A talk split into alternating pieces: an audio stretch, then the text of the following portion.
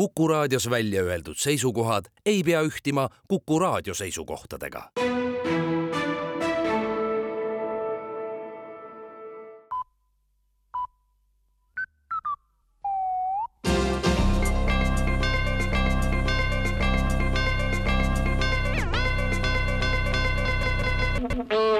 tere kuulama uudiseid stuudios Rohke Develak valitsus annab teada, et õpetajate palgatõus vähemalt soovitud ulatuses jääb kindlasti ära. peamine põhjus peitub valitsuse sõnul pedagoogides enestes. kui õpetajad oleksid teinud oma tööd nõuete kohaselt ja omal ajal õpetanud praegu valitsuses töötavaid inimesi nii, nagu peab, siis peaksid valitsuse liikmed praegu õpetajate palgatõusu elementaarseks, kuigi see on rahaliselt keerukas.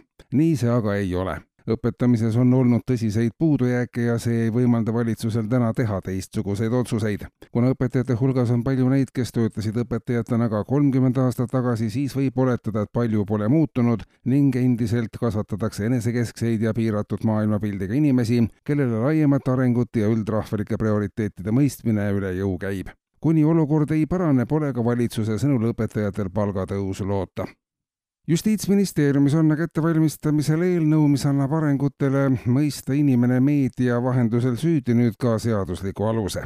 samas annab seadus peatselt meediale võimaluse ka inimese õigeks mõistmiseks. Järjest enam kohtuasju ei püsi kohtu raamides, vaid süüdimõistvad otsused tehakse meedias, siis tuleks meediale anda ka vastavad seaduslikud volitused, märgitakse eelnõu seletuskirjas kui meedia saab kohtumõistmisega hakkama, siis saab senise kohtusüsteemi likvideerida ja saavutada koos õigusliku selgusega ka suur rahaline kokkuhoid veel võttis valitsus eile vastu põhimõttelise otsuse põhiseaduse muutmiseks ja ära tuleks muuta seaduse see osa, mis sätestab, et riigis on kõrgeima võimu kandjaks rahvas.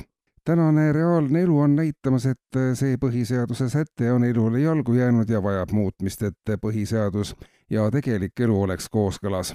Riigikogule saadetud põhiseaduse muudatuse eelnõu näeb ette, et alates uuest aastast ei ole kõrgeima võimukandjaks riigis mitte rahvas, vaid kõrgeima võimukandjaks riigis on raha tänasel päeval on selge, et raha tegelikult otsustab kõik, teatab peaminister selgituseks eelnõuga kaasas olnud kirjas Riigikogule.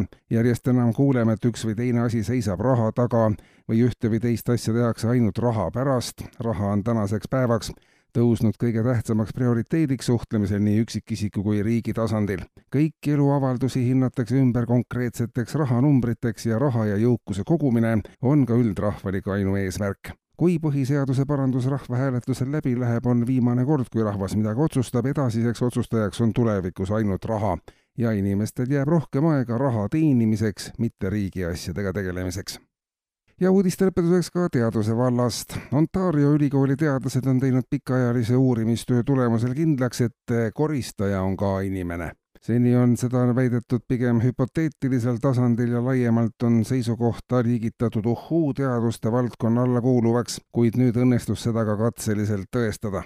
Teadlaste grupil oli veninud tööpäev juba ligi kahe ööpäeva pikkuseks, mingisugust otsest kinnitust, et koristaja on ka inimene, neil ikkagi veel ei olnud, kui järsku. Koristaja tuli ja ütles seda neile ise. kuulsite uudiseid